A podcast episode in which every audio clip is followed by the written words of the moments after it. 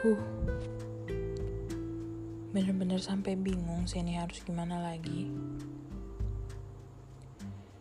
Minta maaf tanpa apa-apa itu ya cuma sekedar kata-kata. Kayak misalnya kamu bilang, aku bakal banggain mami. Tapi kalau kerjanya rebahan doang, apa bakalan dapet hasil? Enggak kan? Gitu juga yang kamu lakuin sekarang.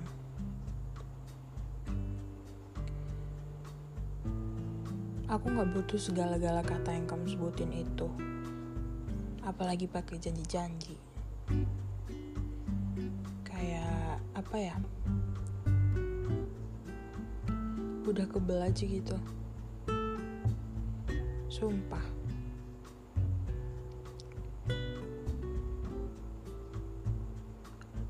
Aku juga udah bilang sama kamu beratus-ratus kali. Ya walaupun belum sampai seribu sih. Cuma aku rasa beratus kali juga udah cukup.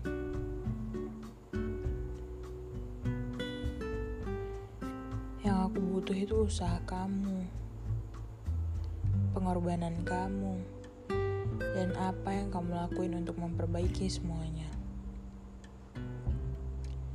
Ibaratnya, kita lagi ada di dalam satu mobil yang sama. Kamu yang nyupir dan aku yang duduk di samping kamu.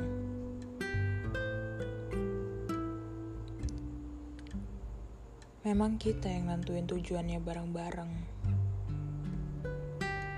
Tapi yang bawa kita ke sana ya kamu. Memang kita berdua yang ada di dalam mobil. Tapi supaya mobil itu gerak dan bisa jalan, ya kamu yang harus injek gas dan pegang setirnya. Kalau nggak gitu, ya mobil kita nggak akan jalan. Kita nggak akan ke mana-mana. Ya kan? Terus aku ngapain?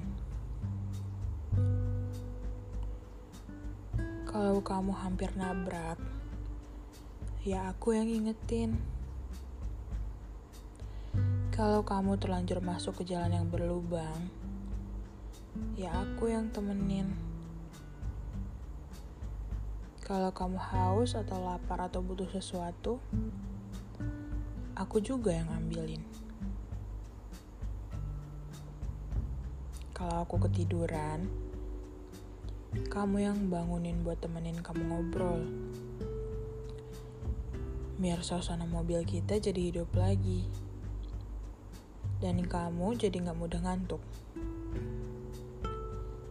Jadi, kita bisa sampai tujuan bareng-bareng dengan selamat dan aman. Paham kan? Ah, tapi rasanya kamu gak bakal paham. Tapi tetap aja aku doain supaya paham.